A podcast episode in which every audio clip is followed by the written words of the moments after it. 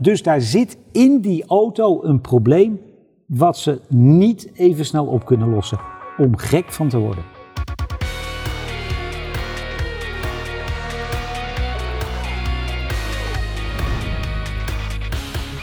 Hallo allemaal, het is tijd voor Slipstream. We hebben gekeken naar de Grand Prix van Toscane. Een fantastisch mooie regio in Italië. En ik heb genoten, dat moet ik echt zeggen, uh, van wat er allemaal op het asfalt gebeurd is. Dat en veel meer, want we gaan het aan het eind ook nog even hebben over komend weekend. Want dan zenden we de 24 uur van Le Mans op RTL 7 24 uur uit. En ik kijk daar nu al naar uit. Ja, Kees? Naar Le Mans? Ja? Ja, daar kijk ik naar uit. Heel goed. Met, uh, komen we misschien op terug. Daar komen we zeker Heel nog veel even. Nederlanders, dus ja, kijk ik naar uit. Helemaal goed. Nou, Kees, Mugello dan. Een baan uh, waar jij volgens mij heel veel getest hebt. Een baan waar uh, ik heb genoten. Ik heb op het puntje van mijn stoel gezeten tijdens de onboard van de kwalificatie weer. Want was dat gaaf. Zoveel bochten dat je denkt, het kan niet vol gas en het gaat vol gas. En hoe Hamilton dan die auto positioneert. Ja, echt fantastisch. Nou ja, maar, om met het laatste te beginnen, is het zo dat je kan zeggen van de man wat je wil. En uh, uh, ze zijn. Daar kunnen we een hele uitzending over vullen, hè? Ja, en, en ook zijn, zijn, ja, zou ik zeggen, het randgebeuren wordt Ja. steeds bizarder. Maar hij steekt er toch wel bovenuit. Zowel in kwalificatie, maar ook in de race. Als je in de race ook ziet op het eind. Hè, natuurlijk heeft hij dan even wat meer energie gespaard. Maar dan laat hij er toch heel duidelijk zien wie op dit moment het, het snelste pakket heeft en is. Dus ja, dat is waar. Maar de kwalificatie was, was heel spannend. En het was natuurlijk ook leuk om te zien en heel goed dat Max er goed bij zat. Ja, ja en, en eigenlijk vanaf het eerste moment er goed bij zat. Ik weet niet, ze hadden denk ik, of dat weet ik wel zeker, je maakt een berekening. Hoeveel neerwaartse druk willen we hebben? En eh, wat leveren we dan in aan topsnelheid? Nou, dan, daar zoek je een balans eh, in. En die hadden ze vanaf het allereerste begin goed voor elkaar. Ja, ik denk het concept van de auto paste op deze baan. Het, is, het, het is allemaal bochten boven de zeg maar, 140 kilometer. Dus ik denk dat het concept van de auto paste goed. Mechanisch niet zo belangrijk, maar aerodynamisch wel heel belangrijk. Nou, dat is toch één, één van de, als er al sterke punten zijn, maar één van de sterkere punten van de Red Bull. Daarbij komt denk ik ook dat hier ook het talent van Max meesprak om snel, hè, er is toch minder informatie voor de baan. Dus, maar het was heel hoopgevend en we kunnen daar gelijk even op door. Ja, eh, daar hebben we dat gehad. ja, dan hebben we dat ook gehad. Eh, er lag hier een grote kans. Eh, als je ook ziet, en niks van zijn prestatie afdoende. Maar hoe, en natuurlijk door alle chaos, maar hoe Albon erbij zat. Ja, dan had ik ja, toch wel hoop gehad. Maar ja, die werd heel snel Ja, in de grond geboord. Ja, laten we daar dan maar weer beginnen. Een week geleden valt hij uit in Monza met een technisch probleem. Nou, daar, daar, daar eh, zijn een aantal oorzaken aan te wijzen. Dan roepen ze, alles is opgelost. Max rijdt naar de grid en zegt, eh, hij doet het niet. Terwijl hij het eigenlijk de dag ervoor wel deed. Ehm, dus daar zit in die auto een probleem wat ze niet even snel op kunnen lossen. Om gek van te worden. Ja, het doet me herinneren dat dat dat een paar jaar geleden ook zo geweest is. Hè? Toen was iedereen nogal negatief over de Fransen. Maar het is wel frustrerend, want, eh, want laten we eerlijk zijn, eh, die crash, eh, dat kwam alleen maar omdat hij gewoon geen power meer had. Nee. En, en niet anders, dat was geen stuurfout. Nee, maar die crash wil ik, dat, dat, dat gebeurt als je zo langzaam rijdt, want hij ging niet echt hard. Je rijdt in het achterveld waar iedereen eigenlijk langs je heen Nou ja, wil. je komt in dat achterveld terecht. Ja, En ben gewoon daar nog de langzaamste. Ja, dus- ja, en dan gebeurt zoiets. Dus eh, eh, slaan we over. dat slaan we over. dat Maar het feit, Kees, het feit Ja. dat hij dus een week geleden een probleem had, waarschijnlijk nu hetzelfde probleem heeft. Er rijden vier van die, eh, van die auto's met een Honda motor. En die van jou, die, die heeft een probleem wat ze ook niet even kunnen vinden. Dus, nou, dat is wel frustrerend, Kees. Ja, natuurlijk is dat frustrerend. Maar ik geloof dat ook die anderen een klein beetje geluk gehad hebben. Want zelfs Albon hoorde ik ook vragen om meer power. Dat hij ook vermogensverlies had. Ja. Dus ik denk dat, eh, ja, natuurlijk als jij stilstaat of daardoor stil komt te staan, is dat heel frustrerend. Maar ik had het idee dat ze allemaal eh, niet ook zo fris waren. nee, dus eh, nou goed. Ehm, tot zover eh, Max en Mugello, want veel meer kunnen we er niet over zeggen. Dan de mensen die alles wel briljant voor elkaar hadden, Mercedes. En dan ja, lopen ze weg. Max gaat eraf eh, met, met, met Gasly, die staan in het grind. Safety car. En dan wil ik toch wat zeggen, Kees. Ik heb het hele weekend Formule 2 en Formule 3 zitten kijken. Daar zijn ook, uit mijn hoofd zeg ik, eh, sowieso drie, maar misschien wel vier keer is daar een safety car op de baan gekomen. Vier keer rijdt de leider rustig naar de lijn, want die denkt, ik moet nog een heel eind. Geeft gas, gaat allemaal goed. Dat zijn, zeker in de Formule 3, de kinderen die het nog moeten leren. En dan komen de beste autocoureurs ter wereld en die maken er een chaos van. En dan denk ik, waarom? Eh, het is ook wel misschien weer logisch, het is op te weet ik wat allemaal. Maar de regel zegt, de leider, in dit geval Bottas, geeft het tempo aan. Die mag geen dingen doen die de andere mensen in gevaar brengt. En vanaf de start mag je inhalen. Ja, eh, er is alleen één iemand geweest die dacht, ik begin vast. Ja. Ja, nee, nee, la- we zijn het er hopelijk over eens dat Bottas hier geen blaam treft. Hè? En Hamilton ook niet. En ook niet, niet En ook, en ook Verstappen en Gasly niet. Hebben we dat ook gehad? Ja, oké. Nee, maar, maar even een paar dingen daarover. Hè. De, de, de, de safety car is wel heel veel in actie geweest daar. Ja. Zo, daar kan je kritiek op hebben. Eh, Hamilton en Bottas hebben gezegd, eh, dat hebben ze gedaan om de show te verbeteren, om het spannender te maken. Dat heb ik gedacht, ja, maar als je die, die, die puin op, op het circuit ziet liggen, wat moet je dan doen? Ja. Dus ik vind dat wat Nou, overdreven. bovendien, sinds het Maar- ongeluk van Jules Bianchi is er gezegd, als er een kraan of wat dan ook in de grindbak komt, of achter de vangrail vandaan komt, hebben we een safety car. Ja, maar goed, gaan we verder. Zo, dan eh, hebben, ik meen, twaalf rijders een, een waarschuwing gehad. Ja, maar een waarschuwing omdat ze hun gas- en rempedaal niet goed bediend hebben. Ja. Nou ja, dat is van een hele eh, ja, mooie had- diplomatische taal. Maar het is toch gewoon zo, die hebben zitten slapen, een aantal. Want die hebben helemaal niet gekeken hoe is het tempo van het veld. Die hebben alleen die achterste, die een paar ronden mee achter ligt, het groene licht gezien. Ja. En gedacht, gas erop. Ja. Ja, maar dat is niet de bedoeling van het spel. Nee, ik, ik, je hoeft mij niet te Ja, overtuigen. maar daarom vind ik het wel, ik vind ook dat de straf wel ietsje harder had. Ik mag. vind ieder- Want deze mannen zijn ook het voorbeeld, hè? Maar dat En als ik. dan nog de voorzitter of ieder geval bestuurslid van de GPA zegt: dit was een moordaanslag. Zo, iets dergelijks heeft, heeft hij zich uit. Ja, dan denk ik dat in dit geval ook wel de straf ietsje zwaarder had kunnen zijn. Want het leek gewoon nergens op. Nee, overigens, overigens Grosjean die zei, eh, het is een moordaanslag, maar die was er ook vanuit gegaan dat iemand vooraan dit had geïnitieerd. terwijl het gewoon in het middenveld begon. Hè. Uiteindelijk is, is George Russell als aanstichter eh, van het hele eh, zootje eh, ja, gebombardeerd. Tot aanstichter gebombardeerd. Maar ik vind überhaupt het feit dat het gebeurt, Kees. Eh, ze proberen namelijk allemaal een voordeel te halen uit de situatie die voortkomt omdat ze een voordeel proberen te halen als er een gele vlag is. Want als al die rijders, als er gele vlaggen zijn, gewoon normaal eh, de bocht omrijden en niet proberen iets harder te rijden dan die man daarvoor, want er is een gele vlag, dan zijn dit soort Maar maatregelen ook niet nodig, Je zegt, nou, zegt maar ietsje harder rijden. Waren wij, die gingen vol. Ja, nee, maar in het algemeen. Oh, hè? In Ja, het algemeen. Als er een, gele, het- als er een het- gele vlag is, dan, dan moet je eh, tempo... Je moet gewoon, ik, in het reglement staat, dubbel geel, moet je klaar zijn om te stoppen. Dat is wat er staat. Nee, maar je, we, hoeven daar niet meer over te zeggen. Je hebt helemaal gelijk. Het leek nergens op. Aan de andere kant moet ik zeggen, maar ik vind niet dat je zo de show moet maken. Was het nou nog interessant? Want verder was natuurlijk. Nee. Overigens, eh, ik sprak vanochtend met, eh, met eh, Jeroen Blekemolen, o- ook over dit. Hè? Die race veel in Amerika.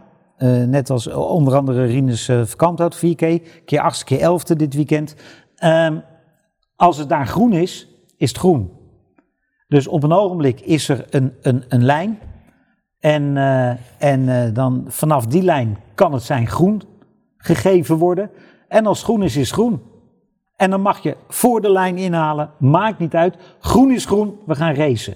Ja, maar het is dan toch nog steeds verstandig om even te kijken wat er voor je gebeurt. Dat klopt, En dat ben ik met je eens. Maar dan, dan, dan begin je in ieder geval aan het begin van het rechtstuk gas te geven. dat klopt. Hè, dus dat, eh, dat, eh, Maar dat het een chaos was, dat... eh jongen, jongen. Ja. ik denk echt van... Ja, maar Kees, ik heb een Formule 3 race gezien. Daar deden die jongetjes het zo netjes.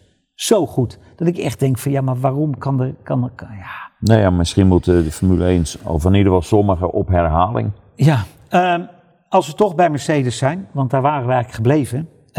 Bottas, die op een ogenblik zegt: Ik wil geen tweede viool spelen. Ik wil iets anders doen dan wat Lewis doet na de pitstop. Hij zegt op de radio: Wij doen het omgekeerde van wat Lewis doet. Dus als Lewis naar de gele gaat, gaan wij naar de witte. Gaat Lewis naar de witte, gaan wij naar de gele. Hij had nog een sprankje hoop dat dat ging lukken, totdat hij zelf eerder naar binnen moest. En toen was er, maar ik vind het wel mooi dat hij toch nog probeert. Ja, niet, niet eh Lewis, daar heb je de titel. Hè? Dat gaat wel gebeuren. Maar hij probeert nog wel dat in zijn kant om te draaien. Nee, die, die, die, die, die, die aanvraag, laat ik maar zo zeggen, om dat te doen, was hartstikke goed. Ja. Daarmee was er ook nog een sprankje hoop dat er wat zou gebeuren. Aan de andere kant was natuurlijk, ja, achter de schermen heel poli- politiek, de, de, de tegenzet van Hamilton. Ja, daarmee was het lot eh, Ja. beslist. En ik moet zeggen, ik gun dat eh, Bottas heel erg. Eh, Dat is een hartstikke aardige kerel. En, en is ook razendsnel, hè, want je ziet ook in qualifying en ook soms in de race, dan zet hij identische tijden neer. eh, in vergelijking tot Hamilton, hè, dat mag dan een honderdste schelen, dat is niks. Dat is prima. Maar er is toch een verschil. Iedere keer, hij komt er dichterbij. En natuurlijk heeft dat ook te maken met het opladen van, van de, de energie en alles. Ja. Maar dan in één keer, dan denkt hij Hamilton en dan is hij weg. Het is genoeg geweest. Ja, en dan moet ik helaas, want nogmaals, ik vind het een hele aardige eh, jongen. Maar dat wordt geen wereldkampioen. Nee. Nee, jammer hè? Ja, dat is jammer. Ja. Ehm, hun baas, Toto Wolff, heeft een aantal eh, statements gemaakt. Een van de statements is: Mercedes gaat niet uit de Formule 1. En Ineos wordt niet de nieuwe eigenaar van dat team. Ehm, dat laatste is denk ik ook waar. Eh, het eerste ben ik nog niet zo zeker van, Kees. Nee, ik ook niet. Ten eerste moeten we natuurlijk zeggen, het, eh, Toto is een geweldige manager. Ja, Ik zag nou ook weer een beeld hè, dat hij weer even met Fred Vasseur staat te kletsen. Zo, dat is een prima. Heb ik in mijn tijd bijvoorbeeld tot nooit zien doen. Hè? Nee. Zo'n beetje achter de scherm, maar nooit door de pit. Zo, maar dat is een prima manager. Hè? En heeft daar ook wat echt goeds neergezet. absoluut. Natuurlijk samen moeten we niet vergeten wat Lauda ook voor invloed heeft. Maar top. Zo, maar feit is ook, en eh, zet maar alles op een rij. Heel vaak wat Toto zegt, is het omgekeerde waar. Hè? Zo, dat is ook een tactiek, hè? dat is eh, een vorm. En eh, hij heeft ook niet gezegd dat het niet verkocht wordt. Hij heeft gezegd het wordt niet aan deze sponsor verkocht. Hè? Dus hij heeft niet, eh, en, en, en hij heeft dan weliswaar gezegd, ja, Mercedes blijft Mercedes. Maar ik denk ook van wat ik gehoord heb, en jij hebt ook informatie gehad van mensen in die kringen. Ik denk dat in twee, eh, 2022 dat. eh, Dat, dat ze groen zijn. nou ja, ja, ja, dat, ze, Nou ja, dat, dat- Ze, dat, ze, dat in ieder geval een andere structuur is. Ja. En, eh, en, en dat de betrokkenheid van, laat ik zeggen, Stuttgart minder is. Nou ja, er zijn een, er zijn een heel aantal scenario's eh, mogelijk. Eh een van de scenario's die afgelopen weekend in de buurt van het circuit aan de DIS enorm besproken is, is het feit dat Lawrence Stroll natuurlijk graag wereldkampioen wil worden met Aston Martin. En dat, ze, dat hij uitgerekend heeft dat de goedkoopste manier om dat te doen is Racing Point verkopen en Mercedes kopen. Ja, en, en, en Mercedes heeft ook aandelen daarin. Nou, er zitten, zijn allerlei scenario's te bedenken waarom dat een heel goed plan is. Daarbij komt dat er ook nog steeds een rechtszaak loopt over dat Racing Point, hoe dat aangekocht is. Ja. Nou, dat zou ook passen. Dan wordt die rechtszaak in de minne geschikt. Ja. En krijgt een ruste beschikking over dat team wat hij wilde hebben. Dus er zijn eh, natuurlijk met alles, dat heb je met corona ook en eh van complottheorieën.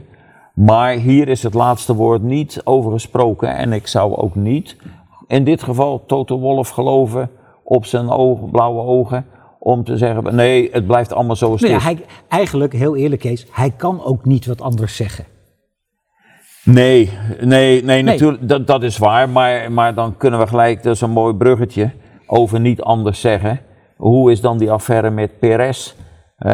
Waar men zegt van nee, we hebben twee rijders onder. eh, Overigens, diezelfde kring is dat. Hè? Ja. Want daar, ook, ook daar heeft Toto Wolff mee te maken gehad. Hè, die dan ook weer even zegt: nee, maar Vettel is een geweldige aanwinst. Vettel is een Ferrari-rijder. En dan Toto Wolff van Mercedes zegt: hij is een geweldige aanwinst voor Racing Point. Ja. Zo, dus er wordt veel gezegd. Maar, eh, ja, eh, daar heeft ook eh, de teammanager, nee, we hebben twee rijders, die staan onder contract. Weg om, allemaal onzin. Vettel komt niet ter sprake. Nee. Nou, zo'n contract van een Formule 1-coureur, dat maak je ook niet in, Dat in een niet, uur. en dat staat niet op de achterkant van een A4'tje. Nee, dus daar zijn ze al lang mee bezig geweest.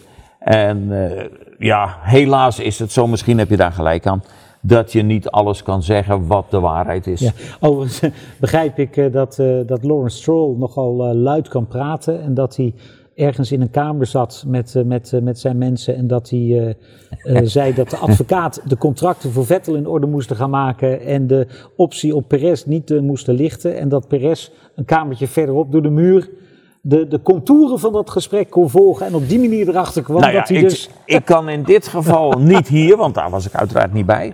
Maar uit eigen ervaring spreken, dat in, met, met, met, met eh, hoe noem je dat, eh, betrekkingen met, met Stroll in het verleden die ik had, dat hij inderdaad behoorlijk geluid produceert. Dus, ik- dus ik kan me dat heel goed voorstellen. Ja, overigens, eh, over, over als we toch Vettel hebben die van Ferrari naar Racing Point gaat. Daar hebben we nog helemaal niet over gehad. Dat gebeurde eh, dus eh, afgelopen week. Ja, eh, we kunnen er kort over zijn. Ik heb het hier eh, volgens mij de week nadat Vettel te horen had gekregen dat hij niet mocht blijven, heb ik gezegd: je zou niet kunnen uitsluiten dat hij bij Racing Point eindigt. Ehm, en toen waren er een hoop mensen die zeiden: van je bent helemaal gek. Nou, kan dat zo zijn. Maar uiteindelijk is het, wat mij betreft, wel een logische keuze. Ja, nee, maar, maar, maar over dat gek zijn, eh, dat, dat, is, dat, is, maar, dat is soms ook wel makkelijk. Ja, Maar aan de andere kant hebben wij wel meer dingen gezegd. En die na verloop van tijd eh, eerst onwaarschijnlijk leken en daarna Ja. toch uitgekomen zijn. En dit is ook. En als je die wereld een klein beetje kent, ja, dan zie je ook hoe alle lijntjes lopen. En dan, eh, ja, dan komt dat vaak uit. Ja, nou is het ook zo, ehm, nadat Damon Hill wereldkampioen werd, toen ging hij naar Arrows. En dat is eigenlijk een beetje, ja niet dezelfde situatie als nu, maar er komt een superster binnen bij een klein team. Hè? Eh, daarna is hij nog naar Jordan gegaan. Maar dat brengt ook verantwoordelijkheden en stress met zich mee. Want ze moeten natuurlijk die Vettel wel de baan opsturen met een auto die het een klein beetje doet, Kees. Ja, maar dan vind ik dat vergelijk. Kijk, kijk. eh, Nou, bij Arrows werden ze er zenuwachtig van, hè? Ja, maar die hadden ook niet zo'n goed. Oké. Hè, ik bedoel, die hadden toen, eh, als ik me goed herinner, een hartmotor erin. Dat was eh, niet, Yamaha. Yamaha. oh, met, met Damon Yamaha. En, en in ieder geval, die hadden nou niet het materiaal om, om meteen te zeggen, we gaan wat eh, naar het podium kijken. Nee. Maar hier heb je wel een auto. En hoe dan ook en wat er ook verboden is met 3D-camera's en alles. Hier blijft een enorme link bestaan tussen Toto Wolff en de rest van, eh, van Mercedes. Dat hij krijgt hier wel een auto ter beschikking. Waarvan ik denk dat hij in ieder geval op het podium moet kunnen komen. Ik wil niet zeggen dat hij wereldkampioen gaat worden. Of dat hij eh, gaat winnen. Maar ik denk dat Vettel, die moet je ook niet afschrijven. Het Nee, zit nu- zeker niet. zodat hij ook beter is, dat hij know-how brengt en een betere rijder is dan wat Racing Point nu heeft. Dus ik zie hem, eh, ik, ik- ja, ik vond toch de stap van, van wereldkampioen met Williams naar een Arrows is toch wat groter. Dat zou zijn als Vettel nu naar Haas gaat. Ja, ja. ja, daar gaat hij niet heen. Daar gaat, misschien, nee, daar nee, gaat daar de rest misschien wel heen. da- ja, dat, dat zou, ja, maar die, nou ja, goed. Als je het daarover wil hebben, dat zijn eigenlijk de, een van de weinige opties. Ik heb het idee dat het de enige optie is, Kees. Dat zou goed kunnen, want ik denk dat dat eh, ook geen plek bij, eh, bij Alfa Romeo is. Nee. Zo, en, en, en ook niet bij Red Bull. Nee, overigens, overigens Alfa Romeo, uh, daar denken wij dat geen plek is, omdat volgens mij mag Kimi besluiten of hij nog een jaar blijft.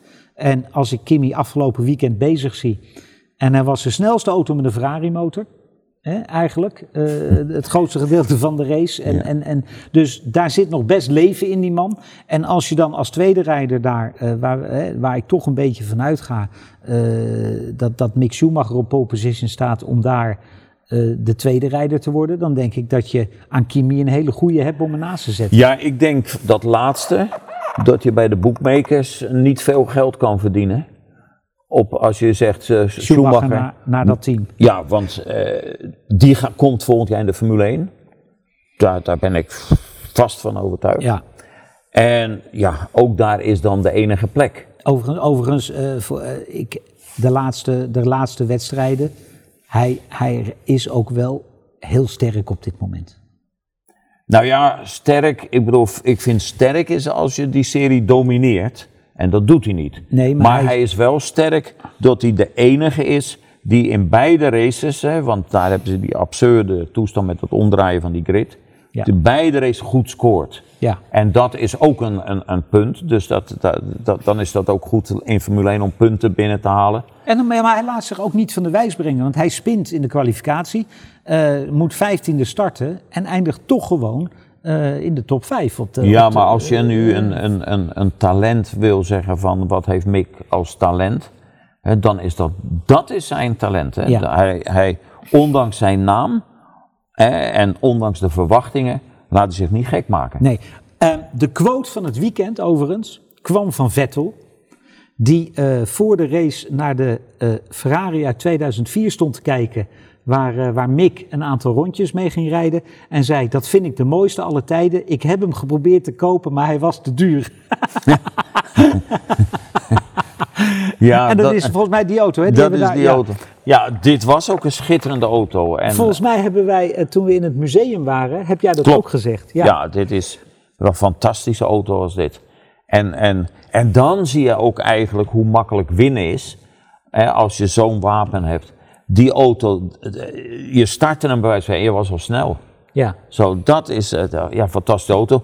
En ja, die kosten, dat is relatief, hè. Ja. Dat, of de een vraagt te veel. Of, ja, nee, is, uh, ik moest er wel om lachen. Dat het, echt, uh, er was een interview met, uh, met Mark Webber, dus dan wordt het al, hè, die kennen elkaar natuurlijk goed. En hij zei dat echt zo van, ja, ik heb geprobeerd om te kopen, maar, ja. maar hij was echt te duur. Dan maar ik begreep dat hij recentelijk, Vettel, wel een andere hele mooie auto gekocht heeft. Hè? De uh, Williams van Mensel. Ja, dat, ja uh, maar Vettel is natuurlijk iemand die van uh, historie houdt. Hè? Het is ook, ehm, uit mijn hoofd zeg ik, dat hij ook ooit veel geld betaald heeft voor iets wat een memorabilia van de Beatles. Want hij is ook Beatles-fan en van die periode. En daar heeft hij ook iets heeft hij gezegd van dat wil ik hebben. Dus hij is nostalgische ja. dingen zijn hem niet vreemd. Dus dat vind ik Heel mooi. goed. Um, overigens, over uh, rijders gesproken die op leeftijd zijn. Dan kunnen we meteen even een bruggetje maken naar Renault. Um, Renault gaat wel steeds beter, hè Kees? Ja, ja, dat is niet een nieuwe constatering. Nee. Uh, we hebben al langer gezegd, die motor is heel niet zo slecht. Verleden jaar ontbrak het toch nog wel een beetje aan wegligging. Maar dat gaat ook steeds beter. Nee, en, en, en nu ook uh, Ricciardo zat er goed bij. En uh, ja, dat is allemaal achteraf. Misschien zonder safety car was het iets anders voor hem gelopen. Maar goed, vierde uh, had je misschien aan het begin van het jaar ook niet verwacht. Nee, nee, gaan steeds beter. Nee, vierde. Ja. Aan het begin van het jaar zei men, en ik moet zeggen, daar leek het ook wel heel erg op, McLaren. Dat is, die hebben zoveel progress geboekt, dat zou wel eens het vierde team kunnen worden. Maar dat zijn ze gewoon niet. Dat is Renault op dit moment. Ja, en, en, en vechten en, met daar, Racing ma Point. daar maak je ook een goed punt. Want aan het begin van het seizoen, we waren het verleden jaar er al over eens dat die motor niet verkeerd is. Zo, en in de McLaren, zei, kijk, die hebben nou een beter chassis en alles. Nou, ik ga ervan uit dat ze nog steeds alle twee dezelfde motor hebben. Zo, dan heeft Renault wel op, op wegliggingsgebied een enorme progressie gemaakt. Want die horen er gewoon bij en zijn eigenlijk, als je de laatste twee, drie races bekijkt, beter dan McLaren geworden. Ja. Ehm, dan worden ze volgend jaar Alpine. Dan hebben we Vettel als wereldkampioen die, die naar een ander team gaat. Kimi die waarschijnlijk blijft. Zou, en persoonlijk zou ik dat leuk vinden, want ik vind het ook hoe hij op de radio weer was en zijn snelheid. Die man hoort er gewoon nog bij. Maar dan komt Alonso. En nou hebben we ook in de slipstream van vorige week in de comments zeg ik ja, uh, wat heeft Alonso in de Formule 1 te zoeken? Want uh, daar uh, in de IndyCar is de rijder belangrijk. Maar we hebben hem eigenlijk zo weinig gezien. Ja, goed in is de IndyCar. Wel, is, hij nog wel, is hij nog wel de Alonso die wegging uit de Formule 1? Nee, natuurlijk niet. Nee, nee, nee absoluut niet. Dus, dus als je een botte uitspraak wil hebben, dan heeft hij er niks te zoeken. Hadden ze beter Ricciardo kunnen houden? Ja, dat hadden ze sowieso. Terwijl ik daar ook niet de grootste fan van ben. Nee, maar, maar dat zegt ook iets over de rest. Hè. Als hij, als hij daar, daar Ricciardo nu derde, vierde rond kan rijden. Zo, eh, goed, we moeten natuurlijk wel bedenken dat Verstappen er niet tussen zat. Maar, nou, dan rijdt hij vierde, vijfde rond. Maar kijk, er is wel een verschil met Vettel, die, eh, ja, die heeft heel slecht materiaal. Oké, Leclerc doet het wat beter, maar die is er nog bij betrokken en alles. En die wist nu van team. Maar Alonso is natuurlijk al, eh, met uitzondering van zijn Toyota eh, rijden, is hij natuurlijk al een paar jaar niet meer aan de top. En, en een beetje ja, uit die wereld. Maar aan de andere kant is het wel zo dat de aantrekken van, uh, van Alonso voor in dit geval Alpine dan, geeft wel publiciteitswaarde. Heel veel. En, en, uh, en, en ambassadeurswaarde, zoals dat tegenwoordig mooi heet. Hè. En uh, dus in die zin zie ik wel een bijdrage. Maar ik kan me niet voorstellen dat, ook gezien nou al twee keer in de Indy, wat, wat hij voor activiteit ontplooid heeft, dat die nog de wereld in vuur en vlam gaat zetten met uh, een Alpine. Nee. En eigenlijk zou Ocon gewoon de helft van de races voor hem moeten staan. Ja, zou. Nou ja, dat gaan, dat gaan we zien. Want, want... Want, want, die moet zich ook een beetje verbeteren. Want, want die laat ook niet zien wat in ieder geval ik ervan verwacht had. Nee. Um, het was uh, over niet laten zien wat je ervan verwacht. Um, komen we automatisch op Williams. Want die laten toch vaak in de kwalificatie wat zien. En in de race is het volgas in de achteruit. Um, het, het, het, ja, en het doet mij zelfs een beetje denken aan een auto die als de banden nieuw zijn en alles is goed, dan kom je er nog een rondje mee weg. Maar zodra ja, het ook maar rondje drie is, ja, dan is het klaar. Had hij nu misschien een beetje pech, die Russell. Maar uh, ja, hij, hij rijdt natuurlijk eigenlijk kansloos in de ronde. In de race. Ja, en zijn maat ook natuurlijk. Ja. Hè? Maar ja, ik, ik, ik heb daar niet zo'n verklaring het, is knap hoe die zich steeds uit die uh, uh, Q1 rijdt. Ja. Hoe die dat doet, weet je. Dus dat jongen moet, moet snel zijn. En goed, dat heeft hij ook wel af en toe bewezen wanneer hij achter het stuur van een oh, Mercedes ja. zit. Ja. Maar uh, daarna gaat het in de achteruit. En ja, dat kan. Hè. Dat kan als die, die auto, laat zeggen, moordend is voor die banden. Dan doe je dat één ronde, ja. twee ronden goed. En dan valt het terug. Ja, en dan valt het hard terug, hè, Kees? Ja, maar, maar en het, het, het, is ook een trend. Het is niet een uitzondering. Hè? En, uh, nee. en dat hij gisteren bijna een punt pakte. Ja, dat, dat is dan sneu voor, voor de nieuwe eigenaar. Dat hij het niet gepakt heeft. Maar het was dan ook meer geluk dan wijsheid geweest. Maar het, het feit is. Maar ik, ik vermoed dat, dat uh, ja, de auto niet zo braaf is. Ook weinig neerwaartse druk heeft. En dan kan je wel met veel lef. Met het grip die die banden als ze nieuw zijn produceren één, twee ronden een goede tijd neerzetten. Ja, en dan is het over. Ja. Overigens had hij wel de actie van het weekend dat hij die hele snelle chicane vol gas en hij gaat eraf en hij heeft nog niet een milliseconde zijn voet van het gas gehaald. En rijdt vervolgens nee, de twee maar je kan, vol gas die Arabiata-bochten door. Dat is toch wel mooi. Maar Albert, we zijn het erover eens dat in, in Formule 1 je zo afhankelijk bent van je materiaal. Ja. Dus het is ook heel moeilijk te oordelen wie is er goed en wie is er niet minder goed. Want ze zijn allemaal goed, ze kunnen allemaal goed auto rijden. Maar het feit is wel dat uh, Russell geen angst kent. Nee. Dat is zeker. Vanaf daar wil ik even naar Robin Freins. Wint zijn tweede DTM-race uh, uit zijn carrière op de Nürburgring. Hij vloog ook een keer zo hoog door de lucht. Volgens mij dacht hij dat hij een, uh, hoe heet het bij Audi? Quattro. Dat hij een Quattro had die ook in de lucht nog aandrijving had. Maar helaas, zo was het niet. Uh, komend weekend zit hij weer op de Nürburgring. En volgens mij het weekend daarna ook, want dan doet hij de 24 uur van de Nürburgring. Dus die blijft voorlopig daar.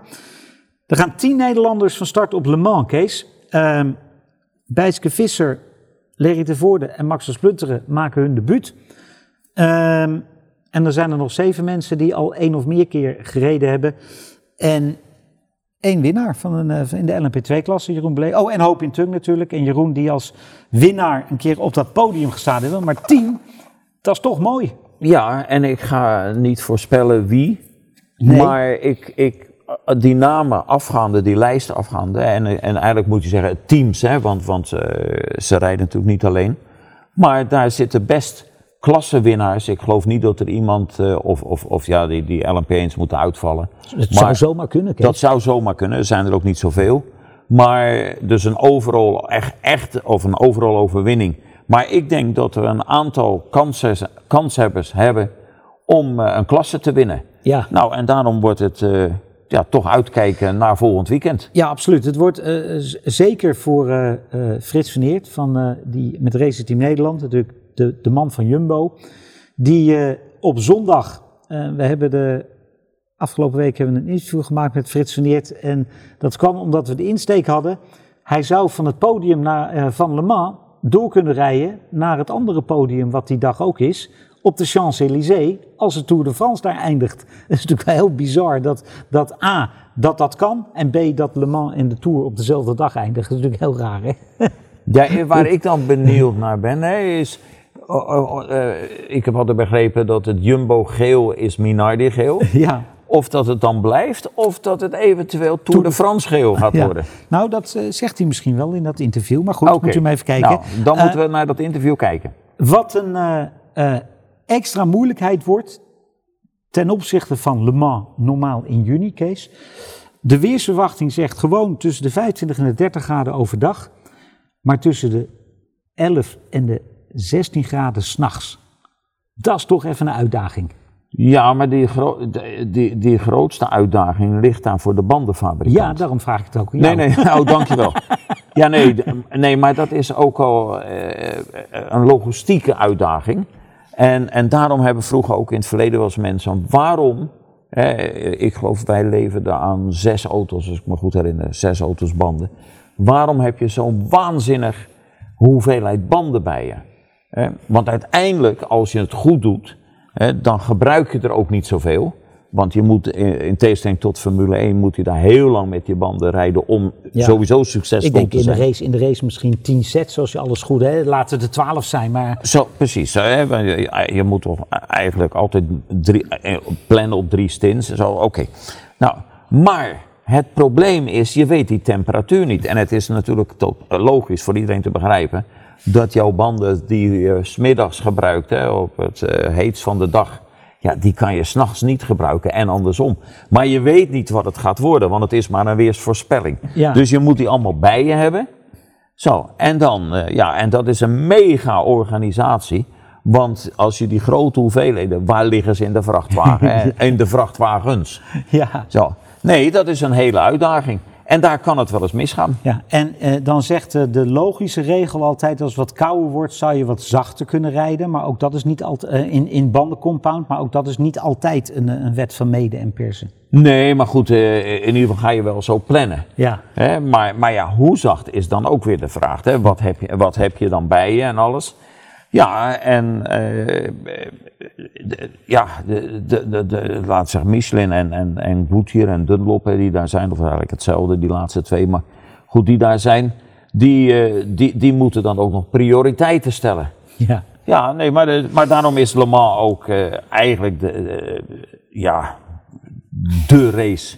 Technische uitdaging en, en is fantastisch. Daarom ja. En Mag wordt... je me daarvoor wakker maken? Kijk, zo? hey, dat gaan we ook zeker doen, Kees. Oh, okay. En de, de, de, eerste, uh, de eerste keer denk ik dat Le Mans gereden wordt met, uh, volgens mij heb ik nu uitgerekend, 12 uur in het donker. Want het wordt om een uurtje of zeven begint de schemering. Hmm. Half acht gaat de zon onder, zeggen ze. En uh, rond die tijd komt hij ook weer op. Dus dat, wordt, dat is ook wel eens anders op Le Mans. Hè? Want dan Nou ja, loop je s'avonds om tien uur nog eh, in het licht. donker, dat gaat.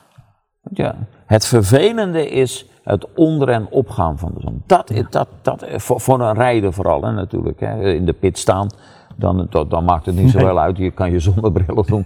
Nee, maar voor een rijder, dat is vervelend. Hè. Het is natuurlijk ook een klein beetje die slaap, maar die, die zon die in je ruit komt en alles. Zo, en, en daarna als het echt donker is, ja, je moet oppassen. Maar Le Mans moet je sowieso oppassen, want het gaat natuurlijk behoorlijk hard. Ja. Maar, maar dat zijn vervelende momenten. Heb ik iets gemist, Kees? Nee, ik denk het niet. We hebben voldoende gesproken en van eh, volgende week moeten we heel veel praten. Dus laten we die woorden sparen. Ja, 24 uur lang. Kees komt als eh, commentator werken af aankomend weekend. Ja, als gast. eh, Als gastcommentator Ja. mag je je kennis over Le Ja. Mans uitgebreid etaleren. Ik sta aan de pits op twee meter afstand interviews te maken, maar we zijn er wel. Ehm, dan hebben we volgende week natuurlijk weer een slipstream. Die gaat er iets anders uitzien dan deze, want ik moet dan in thuisquarantaine, want het is nog steeds oranje gebied rondom Le Mans. Maar goed, daar vinden we ook wel weer een oplossing voor. Voor nu zeg ik bedankt voor het kijken. Vergeet het duimpje niet en tot volgende week.